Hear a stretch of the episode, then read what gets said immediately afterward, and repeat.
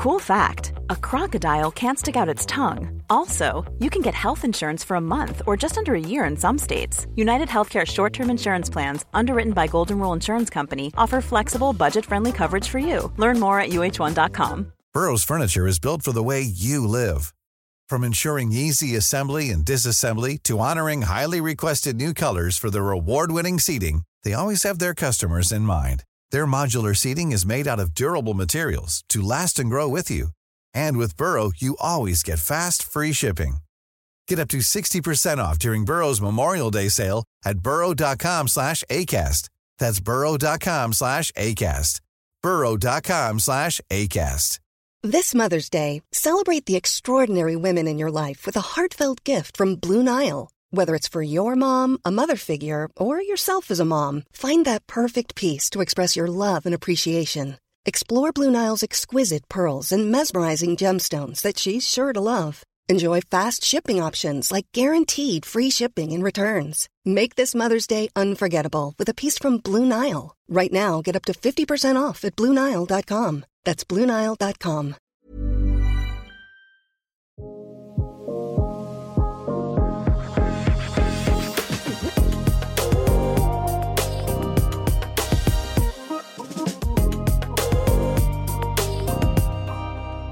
Hej och välkommen till Smarta Cash, podden som peppar till en bättre ekonomi och rikare framtid med mig Isabella Amadi. Efter veckor av intensiv debatt om mäns våld mot kvinnor så vill även jag lyfta detta otroligt viktiga ämne, men med fokus på ekonomi. Det finns nämligen något som kallas för ekonomiskt våld i relationer och det ska vi lära mer om idag. Det finns nog ingen bättre att tala med detta om än dagens gäst, Marie Eriksson som är forskare vid institutionen för socialt arbete vid Linnéuniversitetet. Välkommen Marie! Tack så mycket Isabella! Kul att vara här. Jättekul! Så socialt arbete, det är din eh, gebit kan man väl säga. Eh, och du har ju tittat på just det här med då ekonomiskt våld i relationer. Kan inte du berätta lite om din, om din forskning? Det kan jag göra och när du säger att socialt arbete är min gebit så stämmer det i så mått att jag är universitetslektor i socialt arbete, det vill säga jag är lärare och forskare på institutionen för socialt arbete vid Linnéuniversitetet. Men jag har disputerat, det vill säga gått min forskarutbildning i historia. Så jag är filosofie doktor i historia också och har skrivit min avhandling om kvinnomisshandel under 1800-talet. Så att jag har också ett historiskt perspektiv på det här med mäns våld mot kvinnor i nära relationer. Och redan i min avhandling då som handlar om 1800-talets förhållanden så framkom det ekonomiska våldet i kvinnornas berättelse om mäns våld i äktenskapet. Eh, men precis som du säger så är min hemvist numera eh, vetenskapligt också i socialt arbete och jag har då haft förmånen att få forska om det här eh, sociala problemet eh, också i i vår egen tid. Vad visade er forskning? Ja, den visar en massa olika saker. Eh, den del som jag då eh, har intresserat mig främst för, det handlar då om, om kvinnornas erfarenheter av det här ekonomiska våldet eh, som de har levt med i, i relationer till män då som har utövat våld. Och också att ta reda på hur ser det här våldet ut? Alltså vilka uttrycksformer har våldet? Och också vad får det för konsekvenser för kvinnorna? Eh, både i relationen men också i samband med uppbrottet och i efteråtet. För till skillnad från en del andra former av mäns våld i nära relationer så upphör ju inte alltid det ekonomiska våldet i och genom själva separationen, skilsmässan eller uppbrottet. För om det är så att mannen har tagit lån i kvinnans namn eller skuldsatt henne, tecknat massa abonnemang i hennes namn och så vidare, stulit från henne, fört över hennes lön eh, från hennes bankkonto till sitt eget bankkonto, slagit sönder hennes saker, sålt hennes saker, eh, slösat upp eh, hennes pengar eller sparpengar, barnens sparkonton och så vidare. Eh, det här ekonomiska valet tar sig en massa olika uttryck, vilket jag kan återkomma till. Men det här får ju liksom konsekvenser, till exempel skuldsättningen eller överskuldsättningen som det handlar om i, i flera fall. Den fortgår ju också efter separationen. Så trots att kvinnan då lämnar mannen så har hon ju kvar skulderna och kan få fortsätta att betala på dem. Eh, kanske nästan ett helt liv innan hon blir fri från det. Mm. Ja, nu har du gett många bra exempel liksom på vad det här ekonomiska våldet alltså verkligen är för något. Men finns det någon definition eller liksom, när man pratar om ekonomiskt våld i relationer, vad innebär det? Ja, nej men det är jättebra eh, att du ställer just den frågan. För när du säger att jag gav många bra exempel så, så kanske jag inte tycker att jag gjorde det. Men vi kan, vi kan börja i att jag kan ge ännu bättre och mer konkreta exempel. Men, men vi kan börja i det här med, med definitioner. Alltså det är jättebra. Och vi behöver ju begrepp, precis som vi behöver begreppet ekonomiskt våld för att få syn på det. Så behöver vi också bryta ner det här begreppet ekonomiskt våld eh, för att synliggöra då vilka olika Eh, uttryck och former och skepnader kan det här våldet uppträda i. Och då har vi haft hjälp av eh, befintlig eh, amerikansk forskning. Det finns en forskare som heter Abrams och hennes forskarlag som har operationaliserat det här begreppet, det vill säga brutit ner det och, och liksom i, i, olika former. Och hon talar då om, om eh, financial eh, exploitation, eh, financial control och eh, employment sabotage. Och översatt så kan man säga då att, att det, det handlar om då, eh, ekonomisk kontroll, eh, ekonomisk exploatering och att förstöra någons kvinnans då i det här fallet eh, möjligheter till försörjning eller försörjningsmöjligheter. Eh, så den här ekonomiska kontrollen då, den kan ta sig uttryck på en mängd olika sätt. Det kan handla alltså på en glidande skala, eller som man i forskarvärlden brukar tala om ett kontinuumperspektiv, alltså det här continue, att någonting liksom fortsätter på en, en gradskala. Så i ena änden av den där skalan så kan den ekonomiska kontrollen till exempel bestå av frågor som vad har du kvittot? Vad har du gjort av de där pengarna? Hur mycket kostade det där? Var det där verkligen nödvändigt att köpa? Alltså en, en frågor som kanske inte är, anses vara särskilt anmärkningsvärda eller som kanske rent av ses som normala eller naturliga i en relation. Mm. Beroende på vilken ton man har kanske och vilket Exakt. övrigt eh, jargong man har i ja. relationen. Precis som, som min dotter brukar påminna mig om. Tonen mamma, tonen. Eh, vi pratar en hel del om tonen hemma men ja, det är viktigt men, men också i själva kontexten apropå eh, makt och kontroll då, som, som det här handlar om. Men i den andra änden då kan den ekonomiska kontrollen handla om att mannen liksom eh, kräver att, att kvinnan då ska eh, föra över pengar liksom till hans konto, eh, att han liksom ska ha fullständig insyn över ekonomin, även hennes ekonomi och kanske då omvänt förvägra henne möjlighet att ha insyn både över sin egen ekonomi de eh, eller liksom den gemensamma ekonomin med lån och sådana saker. Så att, så att hon liksom inte har någon insyn då i, i detta utan han har kanske rent av total kontroll. Eh, den, den andra eh, formen då eh, som jag nämnde med ekonomisk exploatering. Exploatering, alltså det begreppet för kanske tankarna till Karl Marx teori om, om, om eh, arbete och kapital. Han menade ju att borgarklassen exploaterade arbetarklassen, exploaterade deras kroppar och deras arbete för att tjäna mer alltså pengar och förmera sitt eget kapital. Och i grunden så handlar den här exploateringen, ex ekonomiska exploateringen också om det. Att mannen liksom suger ut kvinnan ekonomiskt, alltså att han tar av hennes pengar eh, eller tvingar henne till att, att kanske begå kriminella handlingar eh, för att då få in mer pengar, eh, att begå brott och sånt, att prostituera sig till exempel ett extremexempel. Eh, men det kan också handla om att, att han då tar hennes bankdosa till exempel och för över hennes lön på sitt konto. Det är liksom ett, ett eh, exempel på, på hur den här exploateringen eh, kan se ut. Eh, så det, det, kan också liksom handla om stöld eller att pantsätta hennes saker och, och sådana saker. Eh, och sen då den, den tredje, eh, tredje exemplet här då med, med eh, att sabotera eh, kvinnans försörjningsmöjlighet eller förstöra försörjningsmöjligheterna. Eh, det kan ju då allt handla om att det syftar ju också ytterst till en kontroll men det kan då handla om att, att mannen förbjuder kvinnan att gå till sitt arbete. Han vill hellre att hon ska vara hemma och sköta om honom, serva honom och eh, ta hand om annat.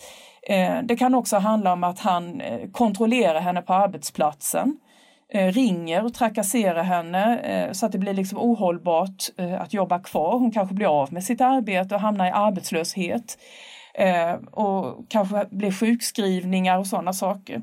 Kvinnor berättar i, i intervjuer som jag har gjort så har kvinnor berättat om hur män håller dem vakna om nätterna under närmast tortyrliknande omständigheter för att då eh, förstöra deras möjlighet att, att komma upp på morgonen och, och komma iväg till arbetet och, och, sköta det och så. Och på olika sätt för, förstör kvinnors möjlighet att, att studera och sånt där. Så att det, det här liksom när det gäller de här, eh, både den ekonomiska kontrollen, den ekonomiska exploateringen eller att sabotera för, för kvinnans försörjningsmöjligheter så finns det en mängd olika exempel på hur det kan ta sig uttryck. Och det är det som, som eh, jag bland annat har eh, tagit reda på genom eh, de här intervjuerna, då kvinnornas erfarenhet av det rent eh, konkret, eh, hur det tar sig uttryck. Eh, Men alltså det här är ju helt, alltså det låter ju alltså, helt sjukt, helt fruktansvärt. Hur vanligt är det här? Alltså hur många drabbas och är utsatta? Ja, alltså i vår studie så har vi ju inte liksom kartlagt eh, utbredningen eller omfattningen av det här problemet eftersom det ju är en ganska begränsad liten mer kvalitativ undersökning där vi har intervjuat eh, 19 kvinnor Eh, eh, med våldserfarenhet, eh, alltså erfarenhet av mäns våld om de här sakerna. Eh, men det finns andra studier, eh, mer alltså omfångsundersökningar, till exempel Slagen dam eh, som genomfördes av, av Eva Lundgren och, och hennes forskarkollegor redan i början på 2000-talet i Sverige som var den, den första eh, stora omfångsundersökningen när det gäller mäns våld mot kvinnor i Sverige. Den visade att eh, ungefär 10% av kvinnorna, som de tillfrågade kvinnorna i studien, hade någon form av erfarenhet av, av eh, det då som man kan kategorisera som ekonomiskt våld. Eh, men i likhet med, med vår studie så finns det också annan forskning som visar att det ekonomiska våldet förekommer sällan ensamt. Eh, det kan förekomma ensamt, alltså som att kvinnan är, är utsatt enkom för den typen av våld. Men det vanliga är att kvinnor är utsatta för eh, flera olika våldsformer samtidigt. Alltså det var ett viktigt resultat i, i vår studie som framgick av de här intervjuerna hur de olika våldsformerna eh, intersekterar eller hur de liksom är sammanflätade med varandra i kvinnornas liv och hur mannen till exempel använder ibland fysiskt våld eller hot om fysiskt våld för att då tillskansa sig eh, kvinnans pengar till exempel eller att få kontroll över hennes ekonomi och sånt. Eller hur, hur kvinnor då, eh, vilket framgår i, i andra studier, eh, tvingas till eh, sex, sexualiserat våld, sexuellt våld då, att mannen tvingar henne att, att sälja sin kropp för att på så sätt exploatera henne och få tillgång till pengar. Mm. Så det finns, en, så det finns liksom ett tydligt samband där mellan det här fysiska eller psykiska våldet och ekonomiskt våld? Ja, det gör det. Vår, vår studie visar att det finns, det finns starka samband mellan de, de olika våldsformerna.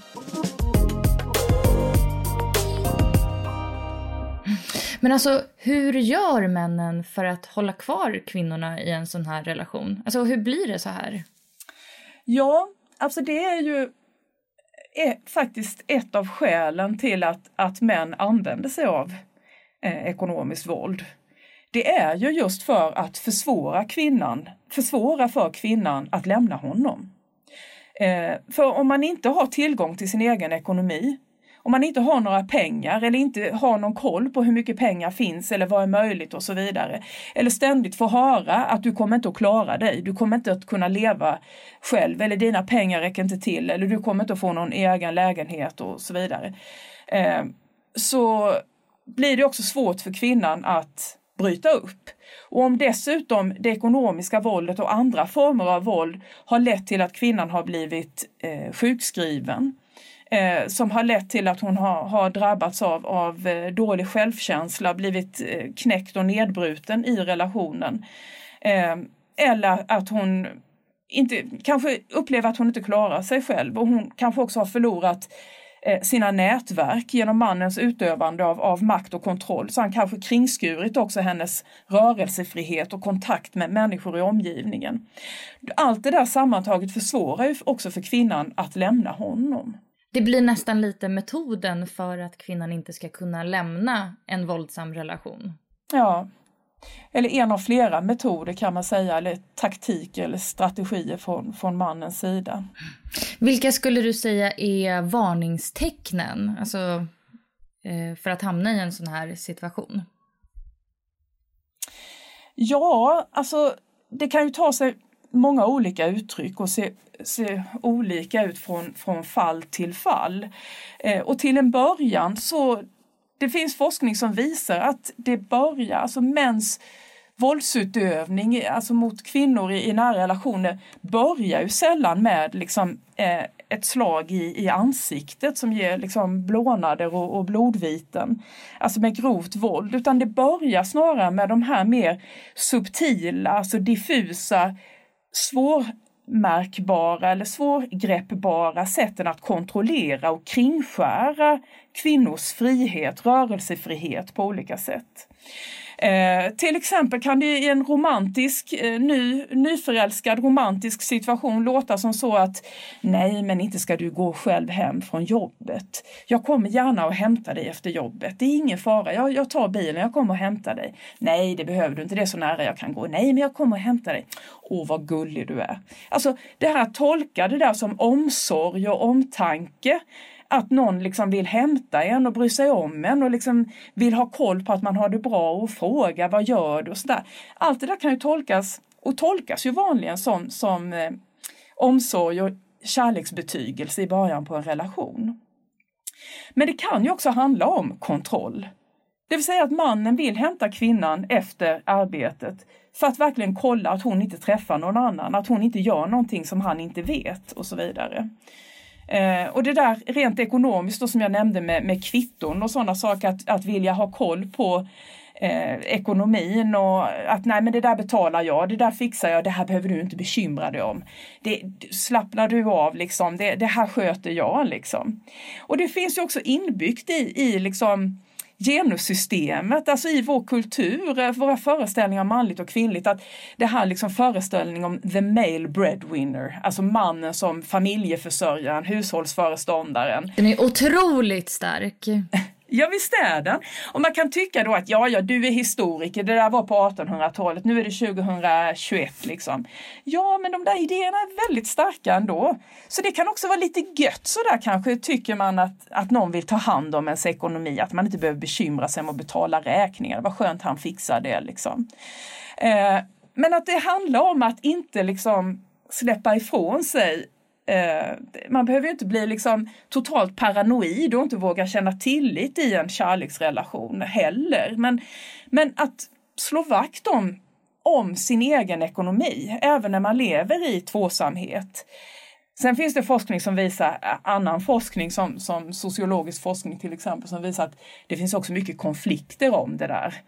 Eh, det är inte så mycket konsensus liksom. Så även i relationer där det inte förekommer ekonomiskt våld eller andra former av våld så finns det mycket konflikter kring hushållsekonomi. Absolut, det kan leta, leda till tjafs och det är nog eh, många som diskuterar alltså, sin ekonomi och det är ju helt sunt. Men eh, på, på en, en, liksom en normal vänskaplig nivå. Det ska ju inte gå till den här graden som vi pratar om idag. Nej. Men du som har pratat med många drabbade kvinnor, alltså, kan du ge några exempel på vad de har varit med om? Ja, alltså det är ju alltifrån, om vi då tänker oss den här liksom kontinuumskalan så är det ju alltifrån då att, att ha blivit fråntagen insyn eh, över ekonomin, att, att ha blivit liksom begränsad och inte fått veta. Eh, och, och, där mannen liksom har undanhållit information både om eh, eventuella lån eller att teckna abonnemang eller liksom eh, olika inkassokrav och sådana här saker som, som kvinnan då har in, undanhållits information om. Hon har liksom inte fått någon kontroll och insyn i detta. Eh, till att det då eh, ibland kan ta sig uttryck i, i, att kvinnan inte får tillgång till pengar. Trots att hon har en, en egen lön och en egen ekonomi så tar tar mannen, alltså stjäl hennes pengar och för över det till sitt konto. Och att hon då eh, kanske bara får liksom det pytsas ut lite fickpengar och så vidare, att hon måste be om och böna om att få pengar. Vilket är liksom, apropå det psykiska, de psykiska dimensionerna av detta, att det är liksom väldigt förnedrande och kränkande att behöva göra det. Eller att inte då kunna köpa kläder till eh, barnen, att inte kunna eh, handla tillräckligt med mat, att inte kunna bekosta mediciner. Eh, alltså att det får den typen av konsekvenser också när mannen undanhåller ekonomi. Eh, men det har också, kvinnor har också i, i de här intervjuerna eh, erfarit då att, att män har förstört deras saker. Eh, det slår sönder husgeråd, förstöra deras kläder, deras liksom ägodelar. Inte sällan eh, saker då som har ett affektvärde, liksom, ett, ett känslomässigt värde för kvinnorna. Så det handlar inte bara om liksom pengars värde utan det finns liksom andra värden inblandat i detta också. Eh, så att liksom ren eh, förstörelse. Eh, men också att, som jag var inne på tidigare, då att, att kvinnor inte har fått möjlighet att, att arbeta eller att de har liksom våldet som de har utsatts för eh, har medfört då sjukskrivningar eller att mannen har trakasserat dem på arbetsplatsen och så, så att de har blivit av med sina arbeten. Så det tar sig en, en mängd olika eh, uttryck, eh, det här ekonomiska våldet. Eh, Hur mår kvinnorna som befinner sig i det här? Alltså flera av de här kvinnorna som, eller samtliga skulle jag säga av de här eh, kvinnorna som jag har intervjuat eh, har mått väldigt dåligt. Alltså både i relationen eh, och i samband med uppbrottet och också efter relationen. Jag, jag intervjuade samtliga efter själva uppbrottet. Under, ja, det hade förflutit lite olika lång tid efter uppbrottet. Eh, men samtliga mådde också dåligt i efteråtet så att säga. Eh, och, och, kände också en stark oro för framtiden. Eh, alltså vad, att de här liksom konsekvenserna av det ekonomiska våldet, skuldsättningen, fattigdomen, eh, att den liksom skulle påverka både dem själva och i de fall det förekom barn, att det skulle också påverka deras framtid. Så det fanns liksom en oro, inte bara kopplat till här och nu, utan hur ska det bli sen? Hur ska vi klara det här sen? Ehm, och eh, många av de här kvinnorna hade inte varit fattiga innan, vilket är värt att betona. Det finns forskning som visar att fattiga kvinnor eh, löper större risk att utsättas för eh, våld i nära relationer. Eh, samtidigt som det finns eh, studier som visar att, att kvinnor i alla socialgrupper utsätts för mäns våld i nära relationer. Men i, i de intervjuerna som vi har gjort så har de flesta kvinnorna blivit fattiga i och genom relationen till de här männen som har utövat då ekonomiskt våld och andra våldsformer, eh, andra former av våld mot dem. Hur blir kvinnor fria? Alltså hur kommer de loss? Ja, det ser också väldigt olika ut, alltså vad, vad det är som som gör att de till slut lämnar och, och bryter de här relationerna.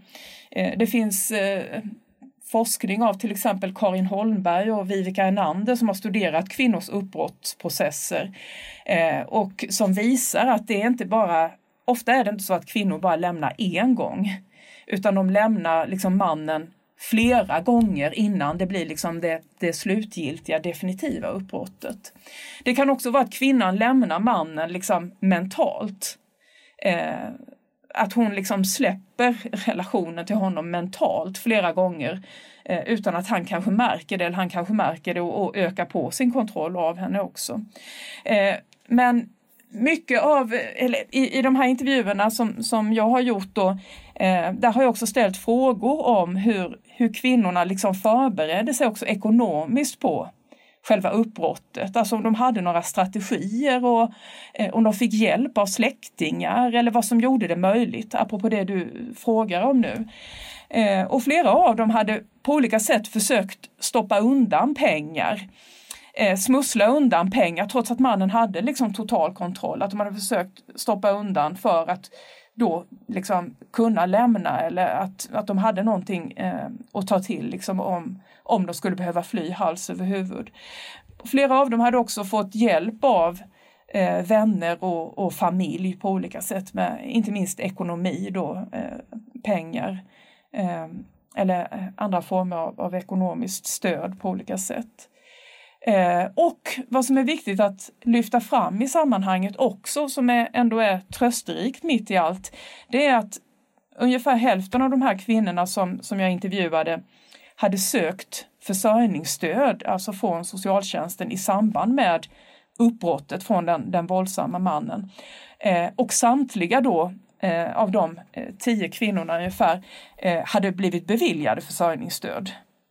Så att det verkar som att, att socialtjänsten, i alla fall utifrån den här studien som är ändå, ja, den är förvisso ganska begränsad, men den visar att, att socialtjänsten ändå tar den här liksom paragrafen om att kvinnor som är utsatta för mäns våld, att de ska få ett särskilt stöd, att de tar den liksom paragrafen på allvar. Mm. Alltså ofta brukar man ju prata om hur viktigt det är att ha ett eget sparande. Mm. Eh, speciellt då om man vill göra en eh, livsförändring som ju kan vara att lämna en relation. Mm. Eh, men i de här riktigt svåra fallen, då kanske det inte ens går att ha ett eget sparande ju. Nej, precis. Det kan hända att, att, eh, att man blir liksom berövad sitt eget sparande. Att mannen på olika sätt då eh, stjäl eller liksom eh, tillskansar sig av, av eh, både pengar och, och, andra former, alltså ägodelar, att pantsätta och belåna. Och, ja, det kan som sagt ta sig olika uttryck. Vad kan man som anhörig göra om man märker att eh, någon man känner hamnar i en sån här situation? Alltså det kan ju vara ens kompis, syster, mamma, ja, någon nära. Alltså det, det man kan göra är att försöka, alltså för det första att, att tydliggöra för den här personen som är utsatt, för den här kvinnan som, som har drabbats av detta, att tydliggöra att jag finns här.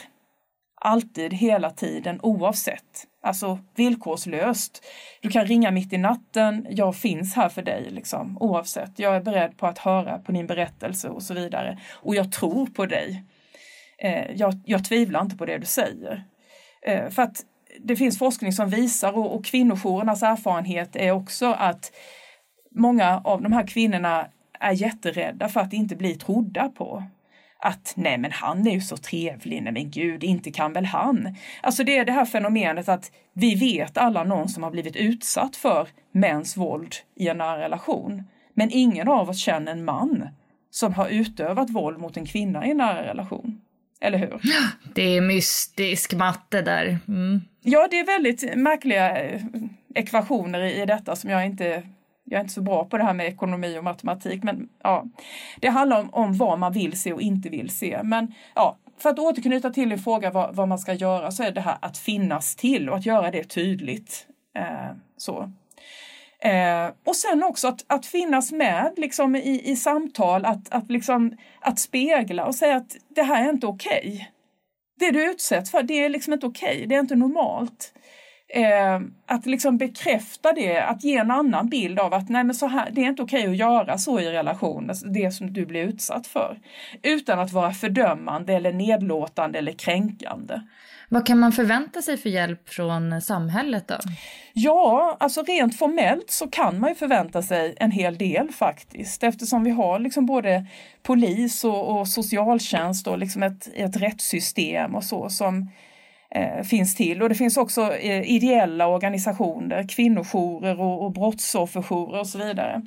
Eh, så att formellt sett så kan de här kvinnorna förvänta sig väldigt mycket. Men dessvärre finns det också forskning och, och erfarenhetsbaserad kunskap genom kvinnojourernas kunskaper och, och, erfarenheter till exempel, om att de här systemen inte alltid fungerar. Vår forskning till exempel om, om den här delen av forskningsprojektet Eh, där kvinnorna, eh, de våldsutsatta kvinnorna som, som vi intervjuade berättade om mötet med handläggare i socialtjänsten till exempel. Det var flera kvinnor som tyvärr också berättade om hur de hade blivit kränkta, eh, förlöjligade, misstänkliggjorda och så vidare av handläggare i socialtjänsten som då egentligen skulle bemött dem på ett, ett positivt och värdigt sätt och, och stöttat dem i den här processen. Men där de i flera fall faktiskt upplevde att de till och med utsattes för fortsatt ekonomiskt våld från socialtjänsten i så måtto att handläggare då fortsatt, fortsätter att utöva så kallad ekonomisk kontroll över dem. Men ja, det blir alltså problematiken bara eh, blir mer och mer invecklad och sådär. Alltså vad tycker du det behövs göras för att stoppa det här? Ja, eh, jag tänker att det, frå, frågan om mäns våld mot kvinnor eh, måste tas på allvar. Eh, ja, och vad betyder då det? Ja, det betyder bland annat att all den kunskap och forskning som finns och som har vuxit fram eh, sedan ja, slutet på 1980-talet. Alltså det, det, är under väldigt lång tidsrymd som det har forskats om eh, det här området. Så det finns väldigt mycket forskning och kunskap. Eh, ett problem är bara att, att den där forskningen och kunskapen används inte alltid. Eh, så att det är en sak som krävs, att, att eh, till exempel myndighetspersoner, eh, folk som jobbar och kommer i kontakt med kvinnor som, eh, och barn som har blivit utsatta för mäns våld i, i nära relationer, att de måste ha kunskap om det här och den kunskapen måste vara forskningsbaserad. Och att att människor håller i och håller ut. Det pratar vi mycket om nu i, i liksom pandemitider. Håll i och håll ut. Ja, men vi måste också hålla i och hålla ut när det gäller de här frågorna. Vi kan inte bara som vissa politiker gör liksom rycka ut när, när liksom mäns dödliga våld drabbar fem kvinnor som det har hänt nyligen och som har blivit synligt via medierna. Rycka ut och liksom, eh, ta i med hårdhandskarna, att nu ska vi liksom ta tag i det här på allvar och så vidare. Och sen gör man det ett tag tills det liksom kommer en ny het potatis eller en ny fråga och så släpper man den och går vidare. Utan politiker, ansvariga, måste också hålla i eh, detta och hålla ut. Precis som vänner runt omkring kvinnor som är utsatta för mäns våld i nära relationer också måste hålla i och hålla ut. Eh, och stå ut med att kvinnan kanske går tillbaka och då hantera sin, sin besvikelse och frustration över det själv och inte låta den gå ut över henne. Utan fortsätta att finnas där. Mm. mm, finnas där, det viktigaste. Eh, men jag tänkte ändå avsluta med att fråga eh, vart kan man vända sig då om man är utsatt eh, och liksom behöver hjälp? Har du, har du några liksom tips på sajter eller sådär? Ja, alltså det, det finns eh, till exempel finns det Kvinnofridslinjen som man kan ringa till. Alltså det är en nationell eh, telefonlinje som är öppet dygnet runt och det är kostnadsfritt att ringa till och, och få råd och så vidare. Men, eller och ska jag säga, så, så finns kvinnojourerna. Alltså det är den, en ideell organisation i Sverige som har funnits i ungefär 40 år. Och under de här 40 åren har de samlat enormt mycket kunskap och erfarenhet eh, och finns spridda runt om i hela landet. Vi har dels ROKS, ROKS, eh, Riksorganisationen för kvinnojourer i Sverige och sen finns Unison, U-N-I-Z-O-N. Och sen finns det brottsofferjourer också eh, som inte är då specialiserade på just mäns våld mot kvinnor i nära relationer som kvinnojourerna är, men där man kan få andra typer av, av stöd om man vill. Och sen finns det ju som sagt myndigheter också.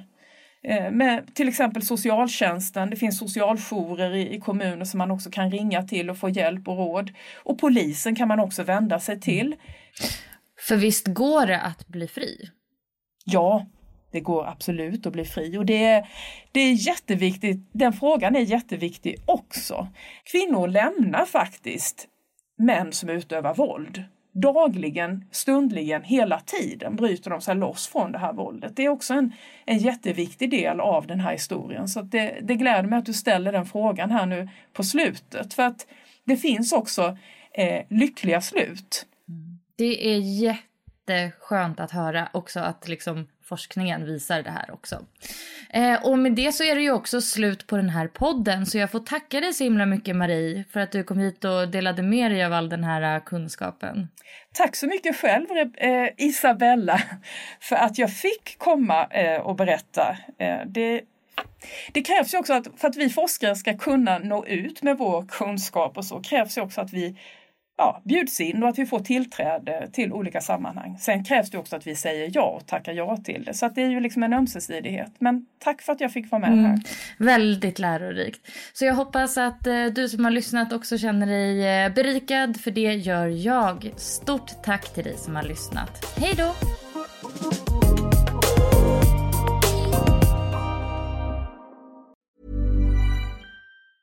Normally being a little extra can be a bit much. But when it comes to healthcare, it pays to be extra. And United Healthcare makes it easy with Health Protector Guard fixed indemnity insurance plans. Underwritten by Golden Rule Insurance Company, they supplement your primary plan, helping you manage out of pocket costs without the usual requirements and restrictions like deductibles and enrollment periods. So when it comes to covering your medical bills, you can feel good about being a little extra. Visit uh1.com to find the Health Protector Guard plan for you.